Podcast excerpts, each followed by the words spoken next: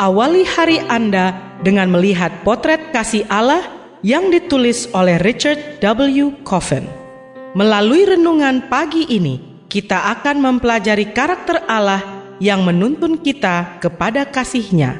Bersama Pendeta Andre Daimbani, selamat mendengarkan. Shalom, selamat pagi saudaraku. Renungan pagi kita hari ini 22 Agustus berjudul Peneliti yang terinspirasi. Ayat intinya diambil dari Lukas 1 ayat 3. Demikian firman Tuhan.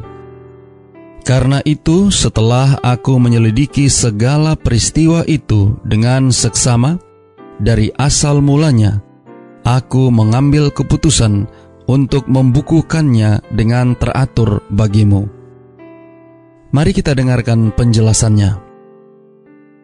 Ketika kita berpikir tentang para penulis Alkitab, biasanya kita berasumsi bahwa mereka semua adalah nabi. Dengan kata lain, kita berasumsi bahwa yang pertama, Allah membukakan semuanya kepada mereka, dan bahwa yang kedua, apa yang mereka tulis secara akurat berhubungan dengan kebenaran yang dibukakan tersebut. Ahli teologi menyebut aktivitas pertama itu sebagai pewahyuan atau penyataan, dan yang kedua, inspirasi. Namun, anggapan kita tidaklah selalu benar.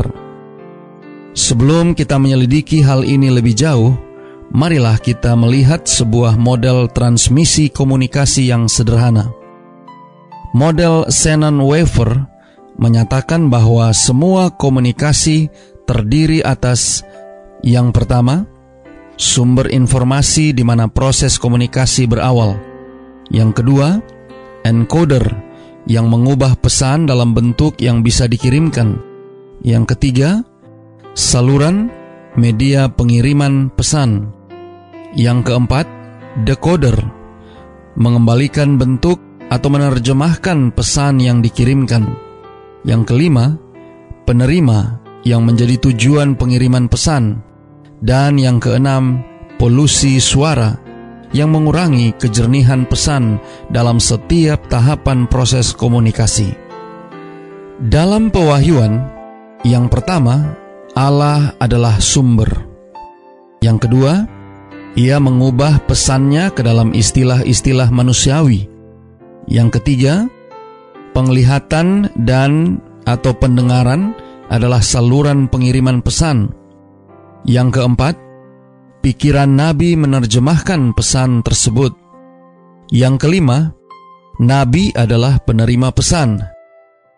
Dan yang keenam, kemampuan nabi untuk menyerap pesan termasuk wawasan, budaya, dan bahasa menjadi polusi suara yang mengurangi kejernihan pesan.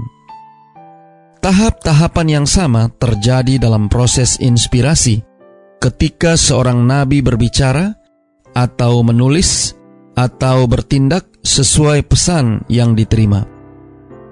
Saudara-saudara yang kekasih di dalam Tuhan, Lukas bersama dengan Musa dan para penulis kitab Samuel dan Tawarik tidak membutuhkan pewahyuan dia dan mereka semua menggunakan hasil penelitian.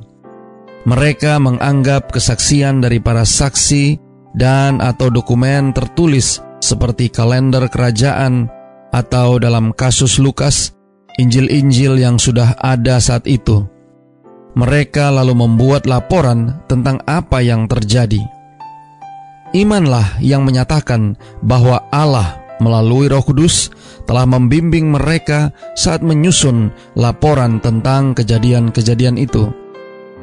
Mereka menggunakan bahasa-bahasa Ibrani, Aram, dan Yunani dengan kesalahan-kesalahan tata kata dan tata bahasa, kekeliruan ingatan atau sumber yang kurang memadai, keganjilan lain yang mereka miliki, kelalaian penyalin, semuanya menjadi polusi suara yang memungkinkan kita menyalah artikan apa yang mereka tulis.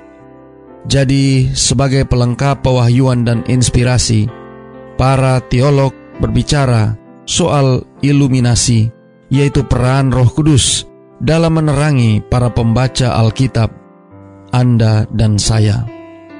Doa kita hari ini. Bapa, terima kasih.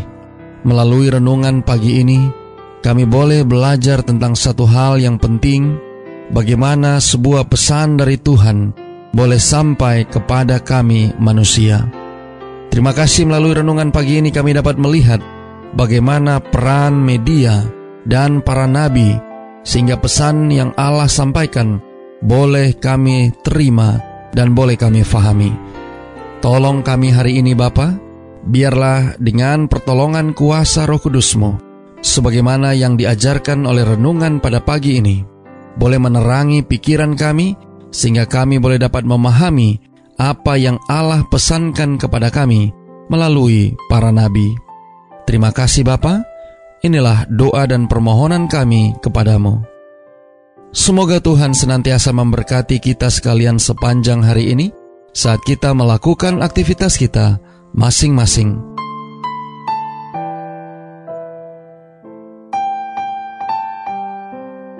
Demikianlah tadi pembahasan tentang potret kasih Allah.